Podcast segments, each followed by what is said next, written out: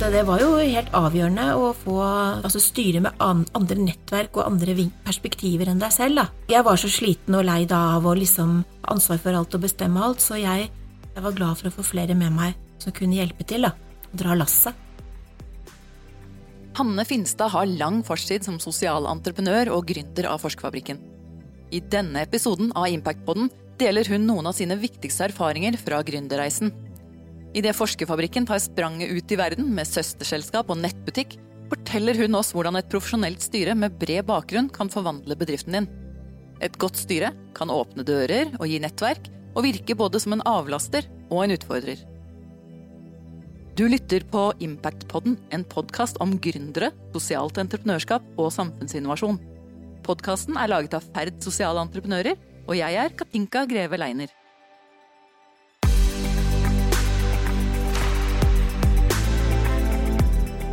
Velkommen til oss, Hanne Finstad, gründer, eier og faglig ansvarlig i Forskerfabrikken. Tusen takk. Før vi hiver oss over dagens tema, og dine erfaringer med styre og styrearbeid opp gjennom alle disse årene, så må vi nesten starte med å beskrive hva Forskerfabrikken egentlig driver med. Jeg tror jo mange kjenner dere, men for alle de andre som ikke gjør det, hva er det dere gjør? Vårt uh, hovedmål er jo å skape realfagsglede hos barn. Og samtidig vil vi vise at de fagene er meningsfulle, de er viktige for å løse utfordringer i samfunnet.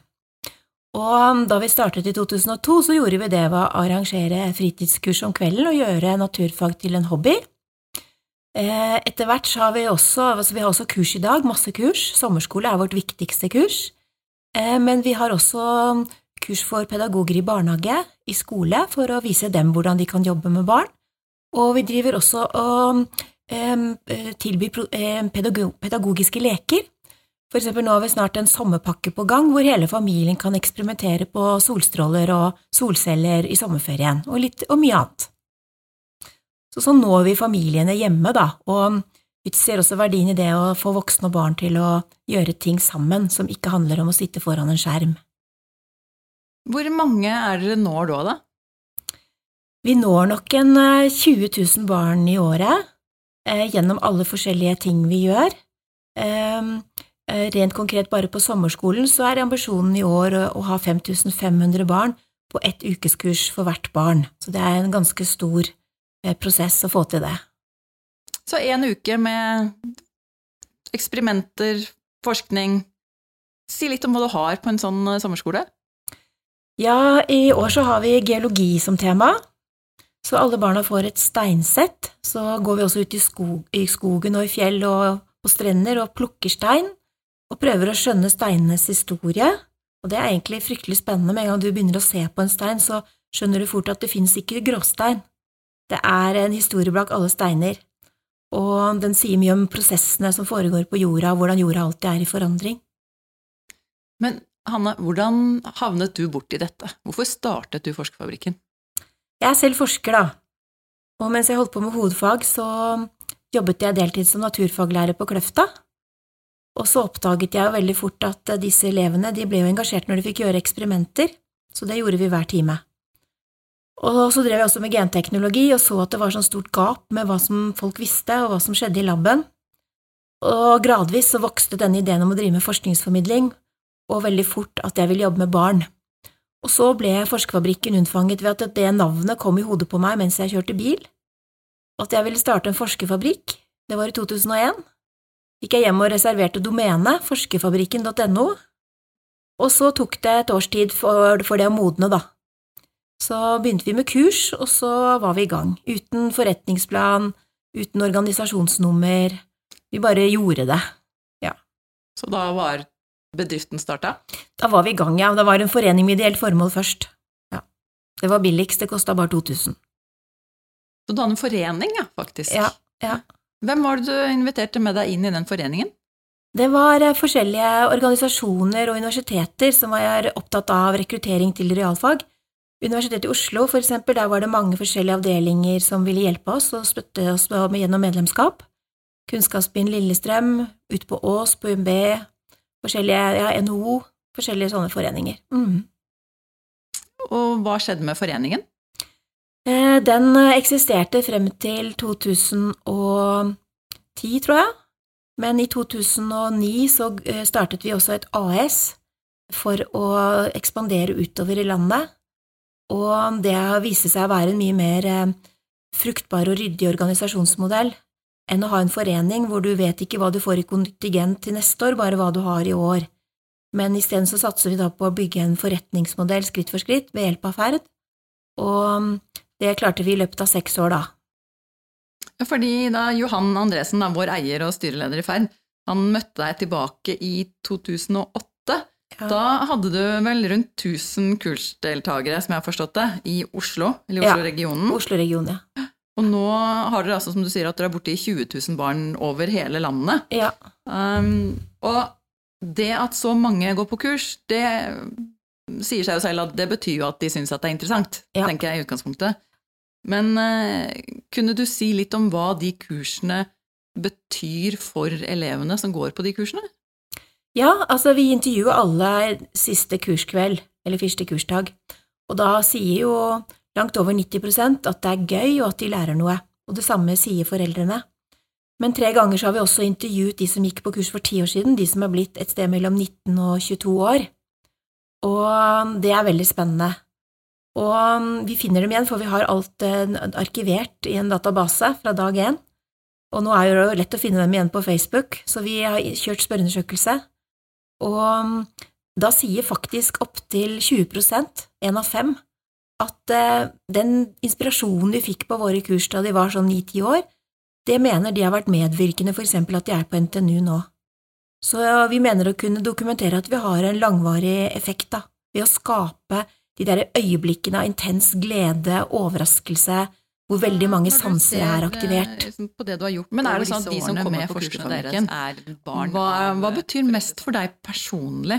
Sånn av at det du liksom ser at dere har vært med på å skape? Det som betyr mest for meg personlig, det er jo å møte barna, det gjør jeg egentlig litt for sjelden akkurat nå, møte barna på kurs, også møte voksne som er på kurs med oss og blir inspirerte, og veldig ofte nå så møter jeg faktisk unge voksne som har gått på kurs, og kommer bort og forteller, det er veldig rørende. Alt det betyr utrolig mye for meg.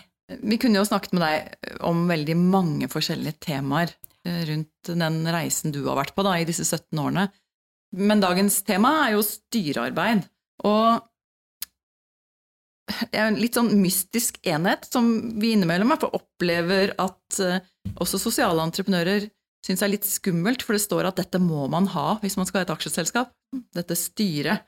Eh, Hadde du, i og med at du var en forening, hadde du et styre når du startet opp i sin? Ja da, hadde styre. Årsmøter og referater og alt fra dag én.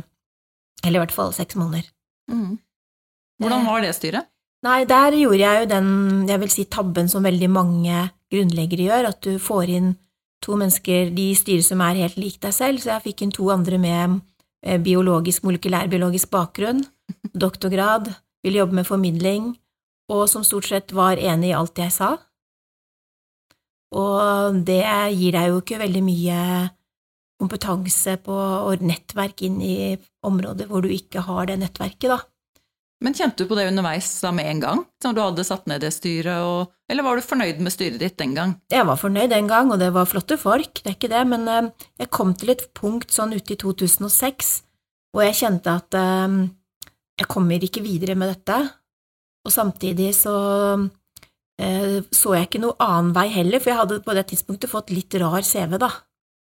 Eh, Det var liksom ikke noe sånn standard søker eh, Jeg søkte faktisk noen jobber, selv om mannen min sa nei, du får ikke slutte med Forskerfabrikken, fabrikken». og jeg kom jo ikke på intervju engang. Fordi liksom, du har ikke hatt en doktorgrad, og så har du skrevet litt for kvinner og klær og henne, og så har du startet en forskerfabrikk og vært litt konsulent og skrevet litt bøker, så ble jeg litt spesielt. Så du Um, var nødt til å bli ved din lest, rett og slett? ja, jeg måtte var det, og så måtte jeg rett og slett da finne ut ok, jeg må ta noe, jeg må lære mer. Så jeg fikk komme i Female Future-programmet i NHO, og det som var verdifullt for meg, det var et kurs vi hadde på BI da om styrearbeid. Eh, og da gikk det liksom det opp for meg at herlighet, du må få et profesjonelt styre, og det fikk jeg da. Eh, Tone Knutsen fra NHO ble med, og Anders Isnes fra Naturfagsenteret, og um, også en fra Teknisk museum, Jan Alfred. Så det var før du gikk over til å bli aksjeselskap? Ja. Og det var jo da faktisk eh, Tone Knutsen i NHO som oppdaget at Ferd og Johan Andresen var på jakt etter sosiale entreprenører. Så hun, og da hjalp jo NHO meg til å finne, få, få møte med Johan. Det var jo liksom gjennom anbefaling fra NHO. Så du kan si at det var jo helt avgjørende å få, få eh, det andre, altså styre med an, andre nettverk og andre perspektiver enn deg selv, da. Og fra den dag jeg var så sliten og lei da av å liksom ha ansvar for alt og bestemme alt, så jeg, jeg, jeg tør å påstå at ingen har sittet i styret sammen med meg, selv om jeg er hovedaksjonær og, og følt at egentlig bestemmer han, så er ikke så vits hva jeg sier. Jeg hører veldig på styremedlemmene og prøver å, øhm, å ta til meg hva de tenker og vurderer, da, og at vi har konsensus eh, rundt viktige beslutninger. Ja, for det var vel Da er vi rundt de tidene hvor jeg også starta i Ferd rundt 2009, Mm -hmm. og fikk gleden av å komme inn i styret deres, faktisk. Ja. Med Ole Petter Trovåg som styreleder. Ja. Eh, Og jeg husker jo det som en, eh, hva skal man si, et veldig sånn på en måte jovialt styre. Eh, Men, eh, men også det som et ganske profesjonelt forhold mm. mellom deg da og styreleder, når jeg kom inn som en litt sånn førstegangs styremedlem der. Eh, Kan du ikke si litt om hvordan det var å få på plass en da ny styreleder for deg den gang, i den fasen? Altså for meg var det en befrielse. Eh, mange vet jeg føler det som en sånn trussel at du ikke sitter og bestemmer alt, men jeg var rett og slett veldig sliten av å bestemme alt og vite, og liksom ta ansvar for alt. Jeg var glad for å få flere med meg som kunne hjelpe til, da, og dra lasset. Og han hadde jo masse erfaring fra Elopak i forretningsutvikling og ledelse, eh, som vi dro veldig nytte av i mange år, ti år faktisk. Um, så det var utrolig verdifullt å ha han i styret, og det første vi gjorde var jo å besøke Elopak og begynne å snakke om hvordan vi skulle bygge Forsvarsfabrikken til en merkevare, for det hadde jo ikke jeg gjort som biokjemiker, jeg var jo veldig lite opptatt av utseendet, jeg var bare opptatt av innholdet og kvaliteten. Så det har jeg jo gått også en skole der, da, å skjønne hvor viktig det er å, med visuell profil og merkevarebygging. Ja, for da husker jeg den første logoen deres kom på plass. Ja. Dette oransje molekylet. Ja, ja. som dere nå beveget dere bort fra. Ja, vi måtte gå, ta et skritt videre, for de går litt ut på dato, disse grafiske uttrykkene. Ja, vi har jo kjent noen diskusjoner i det siste på hvordan logoer kan Det Mhm. krever litt å utvikle Ja. merkevare for selskap. Ja. Men når du hadde inn dette styret, så det var jo et relativt lite styre. Det var jo tre mennesker i en ganske lang periode i styret ditt. Eh, Hva tenker du om det, sånn nå i ettertid? Nei, vi var jo i praksis fem, og for det var jo også Anne Eriksen som etter hvert ble daglig leder, og meg, da. Eh, Nei, jeg syns det er fint med ikke for store styrer, fordi du må ha tid til å møtes, og du må ha tid til å høre på hverandre, og da kanskje folk også får en litt mer aktiv og ansvarsfull rolle. Jeg tror det er viktig å ikke i hvert fall bli mer enn sju–åtte, Mm. tror jeg faktisk. Hva tenker du var det viktigste det styret ga deg i den perioden du beskriver, hvor du liksom skulle få, eller skape vekst i selskapet ditt?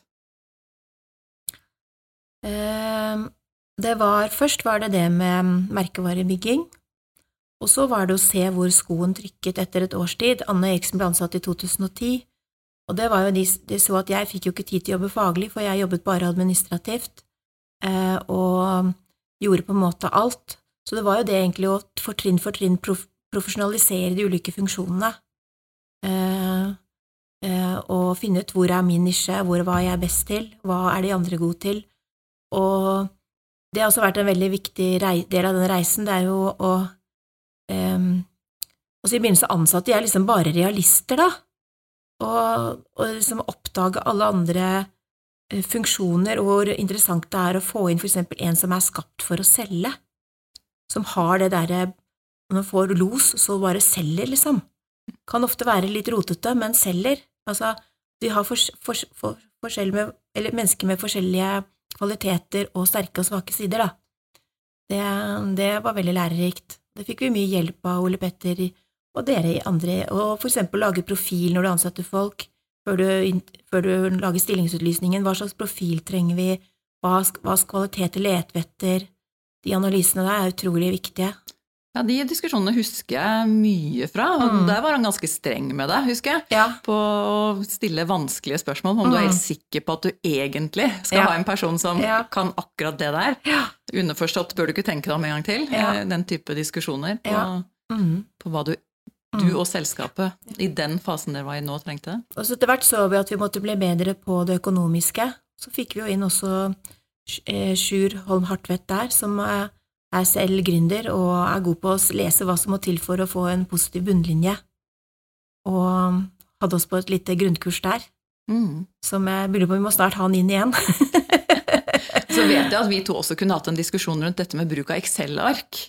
Eh, apropos økonomi. ja. Eh, For jeg husker veldig godt den ene runden med Forskerfabrikken hvor dere begynte å bryte ned alle de tingene, alle de forskjellige kursene og aktivitetene dere hadde. Mm. Og den der med å prøve å få forståelse rundt hva er det som koster meg hva i alt det jeg driver med. ja, det er ufattelig viktig. Da fikk vi også hjelp av en ekstern som hjalp oss med å rydde opp og liksom analysere det.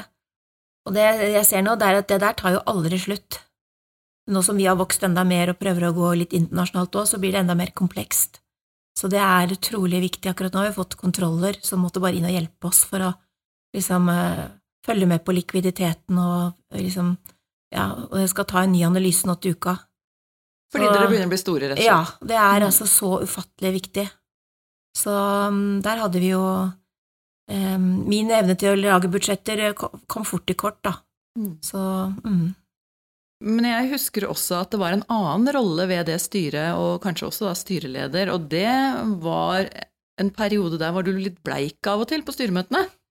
Eh, Hvor jeg husker Ole Petter eh, skjøv papirene litt til side og lente seg over bordet og sa Men Hanne, hvordan har du det egentlig nå? Ja, det var veldig også fint med det styret der, at man også tok litt eh, høyde for at man kunne bli litt nesten utbrent, da. Så det er jo den, dessverre sånn det er for de fleste som gründer, er at du går på noen smeller noen ganger, for det krever jo ikke akkurat 94. Så eh, da var det veldig godt å ha dere som også var eh, litt rause, og klarte å si nei, men da prøver vi å få inn litt ekstra hjelp nå, vi prøver å løse opp, få litt avlastning, prøve å finne løsninger. Mm. Men kanskje også av og til det å si til gründeren at er du sikker på at du skal starte det nye der nå? Ja, det var også viktig. Mm.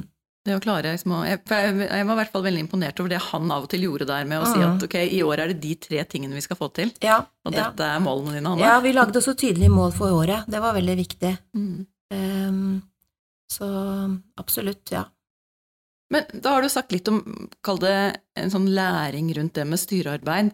Um, har du lært noe i det praktiske da, eh, som har overrasket deg i forhold til det du lærte rent teoretisk på, på BI? Eh, I styrearbeid mm, Jeg tror ikke det akkurat har overrasket meg, i så fall bare i positiv retning, vil jeg si. Det er lov å bli overrasket positivt òg, Ja, altså. det, er- det, som- jo, det som overrasker meg, det er jo Jeg har jo selv vært mentor for en del gründere nå, og møter mange. Og ja, det som overrasker meg, er for mange hvordan det sitter veldig langt inne å få inn profesjonelt styre. Hvor redd mange er for det. Det, det overrasker meg. Eh, Det Ja. Det vil jeg anbefale alle til å ikke være redd for, da. Mm. Så du har ikke fått med liksom, feil styremedlemmer eller eh, sånn sett? Jeg tenker noe av det de er redd for, er kanskje at de får inn folk som på en eller annen måte ikke burde vært der? Ja. Nei, vi har vel vært eh, både veldig heldige og flinke til å få inn riktige folk, da. Eh, Nå har vi jo faktisk de siste åra hatt veldig stor utskiftning i styret, eh, og fått ny styreleder etter Ole Petter. Men vi har klart å beholde den eh, joviale tonen, og vi ser at de nye styremedlemmene er eh, det stor berikelse, Eh, så det er veldig spennende å bli bedre kjent med dem. Eh, Det må jeg si. Og så er du nå da i den fasen hvor du eh, faktisk også vokser ut av Norge. Med ambisjoner om å spre denne entusiasmen din for naturfag og eksperimenter til, eh, til stadig flere. Mhm. Eh, Og jeg vet jo at du har tatt i bruk både videokursing og nettbutikk og web og, og mange forskjellige verktøy for å nå flere. Mhm. Eh, Hva tenker du rundt bruken av styret ditt nå i en sånn fase? Um, altså, vi har laget et søsterselskap som så langt har fokusert på den internasjonaliseringen, og der har vi hatt et eget styre med to eksterne som eh, har store, solide nettverk, og i tillegg eh, er ganske businessorienterte. Og det har vært veldig spennende å lage en litt ny dynamikk, litt, kanskje litt friskere dynamikk enn vi har hatt i Førsteborgerriket Norge. Og veldig lærerikt. Men akkurat nå ser vi at det er også en veldig spennende reise at du skal gå internasjonalt. Hvordan gjør du det? Lag, gjør du det med det selskapet du har, eller lager du et søsterselskap eller et helt nytt selskap? Vi valgte å lage et konsern og et søsterselskap nettopp for å ikke risikere at alt vi bygger opp i Norge, skulle liksom bare rakne. Og så begynner du å jobbe, og så ser du at det der var ikke helt hensiktsmessig, det er bedre å flytte alt som har med netthandel dit, og alt som har med kurs dit, så nå er plutselig begge selskapene internasjonale og nasjonale. Eh, og så ser du at eh, nei, det er ikke så helt praktisk egentlig med to styrer, fordi at eh, nå begynner vi å jobbe mye mer med samhandling. Vi trenger mye mer samhandling enn vi trodde. Så nå skal vi jo slå sammen disse styrene til et felles konsernstyre. Og, men det jeg tenker, da, det er at som gründer så tror jeg det er trolig viktig å bare gjøre ting og prøve og finne ut underveis, ikke sitte og planlegge, og, for du må bare gjøre det for å finne ut. Det er så komplekst at du må bare teste og, å gjøre det.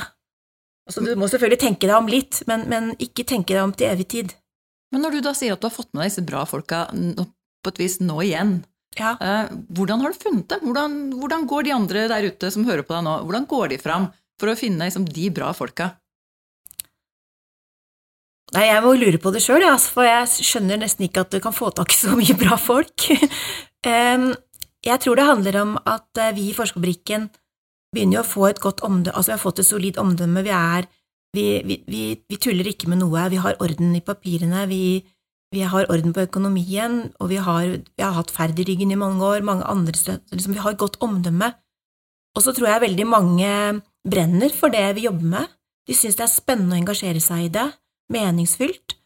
Um, og så er jeg også fellow i Ashoka, som er en internasjonal organisasjon for sosiale entreprenører, så disse to styremedlemmene jeg har i Scientist Factory, da, det internasjonale selskapet, Eh, de kommer jo fra Ashoka Support Network, så de er jo derfra også. Mm. Så mm, det henger også sammen med det. Mm. vi opplever jo det at veldig mange av dere sosiale entreprenører får veldig bra styremedlemmer. Så jeg tror litt på den forklaringen du er inne på der, at det at dere jobber med noe som er så samfunnsviktig, da, mm. at du jobber med noe som treffer hjertene, mm. nok også gjør at du kan velge styremedlemmer på et vis eh, på en litt høyere hylle. Eh, og veldig få av dem tar jo betalt òg. Ja, nei, de får ikke lønn hos oss. Mm. Så, så det, det, er Jeg er veldig imponert. Jeg tror det gir mer enn det koster, faktisk. Mm. Og vi har det jo Det er interessante møter, og de møter jo andre interessante mennesker også. Mm. mm. Men dere har jo da vokst til å bli en sosialentreprenør med økonomisk overskudd, noe som har gitt dere mulighet til å investere i flere ansatte og vekst liksom år for år. Mm. Sånn sakte, men sikkert. Mm. Eh, er dette virkelig bare en solskinnsfortelling? Eller er det noen utfordringer der ute? Nei, det er mange utfordringer der hele tida. Så, så øh, Jeg tenker at øh, Ja, for det første så når du Vi er jo en mellomstor bedrift, vi er jo ikke en stor bedrift. Så når du ansetter eh, unge mennesker i 30-årene, så eh, er det jo en grense for hva man kan tilby folk av utviklingsmuligheter, og da må de reise videre. Da må vi ansette nye. Akkurat nå har vi en sånn fase hvor vi ansetter nye, og det er også veldig, veldig spennende og kan bli veldig berikende, men det gjør deg litt mer sårbar i sånne faser. Eh, og så er det også sånn med en gang du vokser fra å være 5–6 til å bli 13–14, så krever det mye tydeligere ledelse. Eh, der har vi igjen fortsatt en del å lære, det vil jeg bare si. Eh, også, også når vi nå har to selskaper, det er også ja, vi er, jeg sier vi er liksom i litt sånn prosess nå, men akkurat nå bare fokuserer vi på å selge, for det er det vi må. så får vi til å ordne opp med alt annet trinn for trinn. Men det er liksom Det er aldri noe A4-rutine. Det er det aldri. Men hva er ambisjonen din nå, da? Hva er det viktigste for deg? Liksom neste steg i Forskerfabrikken? Hva skal du få til fremover? Um, nei, vi mener jo Nå sier jeg vi, for det er veldig gøy nå. Altså, det er liksom ikke Anne Finstad lenger. Jeg er faktisk en hel gjeng som brenner for det, og som har vært med i mange år. Og, og vi mener jo at vi har utviklet i Norge noe helt unikt. Vi har veldig mange gode aktiviteter. Vi har utviklet alt som skal til for å holde spennende kurs med en god pedagogikk for barn i hele Norge, og nesten hvor som helst, bare vi har bord og stoler og vann og toaletter. Og det apparatet rundt det, det synes vi fortjener internasjonalisering, og også vår lekende pedagogikk gjør det, for den er blitt mer og mer gjennomarbeidet gjennom årene. Og det har vi allerede fått veldig god respons på i Sverige. Jeg har også vært i Nepal og undervist lærere der, bare for å teste ut hvordan funker det i en helt annen setting. Det funket fantastisk, for dette er globalt fag. Og det vi har lyst til nå, det er jo å være med på å ruste barn i mange land for fremtiden ved å skape interesse og kunnskap om naturen og realfagenes rolle i å løse utfordringer. Så når jeg er ferdig her, skal jeg nett tilbake og søke om penger til det, faktisk. Få med enda flere på reisen. Ja. Vi skulle runde av, Hanne, med noen anbefalinger da, til de som sitter der ute og hører på og tenker at wow, det er lang reise og de har fått til mye, men eh, kanskje særlig knytta til styrearbeid. Hvilke tre ting skulle du gjerne sagt til deg selv for 17 år siden når det gjelder det å samle et eh, styre rundt seg? Um, nei, jeg ville ha samlet uh, et styre med en gang fra sentrale institusjoner og organisasjoner som var med på å grunnlegge alt. Uh, jeg ville nok også ikke vært den eneste fagpersonen som var gründeren, men har fått med i hvert fall en til for å bære lasset, en som kunne virkelig båret det sammen med meg. Akkurat nå har jeg fått en faglig leder som virkelig avlaster meg skikkelig, det er en helt fantastisk følelse. Ehm, jeg vil anbefale at man har eh, støtte i familien. Jeg har hatt uvurderlig støtte i mann og barn, faktisk. Og så vil jeg anbefale at eh, man må bare være forberedt på å gjøre feil. Eh, det er helt umulig, og hvis du for eksempel utvikler noe som ikke passer helt inn i markedet, så må du bare tenke hvordan kan jeg gjøre det på en annen måte. Det er helt vanlig. Og så lærte jeg allerede da jeg drev med forskning at det var utrolig fint med det jeg kalte etter hvert trippelfakturering, eller mer enn det. At hvis du har først lagd noe, om du kan liksom bruke det på en annen måte, bare litt ekstraarbeid, det er veldig, veldig ressursbesparende, da. Det tar, men det tar gjerne en fem år før du er der, da. Men eh, nå har vi veldig mye av det. Du lærer å selge samme tingen om igjen? Ja, som en bare, god konsulent? Ja, videreutvikle litt, men liksom selge, bruke det mange ganger, eh, videreutvikle det litt og hele tiden mer og mer sånn repertoar i bunnen. Så bra. Jeg tror det var minst fem gode tips, jeg. Ja. Det var Supert, det. Tusen takk for at du brukte litt av din verdifulle tid på ja. oss. Takk for at jeg fikk komme. Lykke til videre. Takk for det. Du lytter på Impactpodden, en podkast om gründere, sosialt entreprenørskap og samfunnsinnovasjon.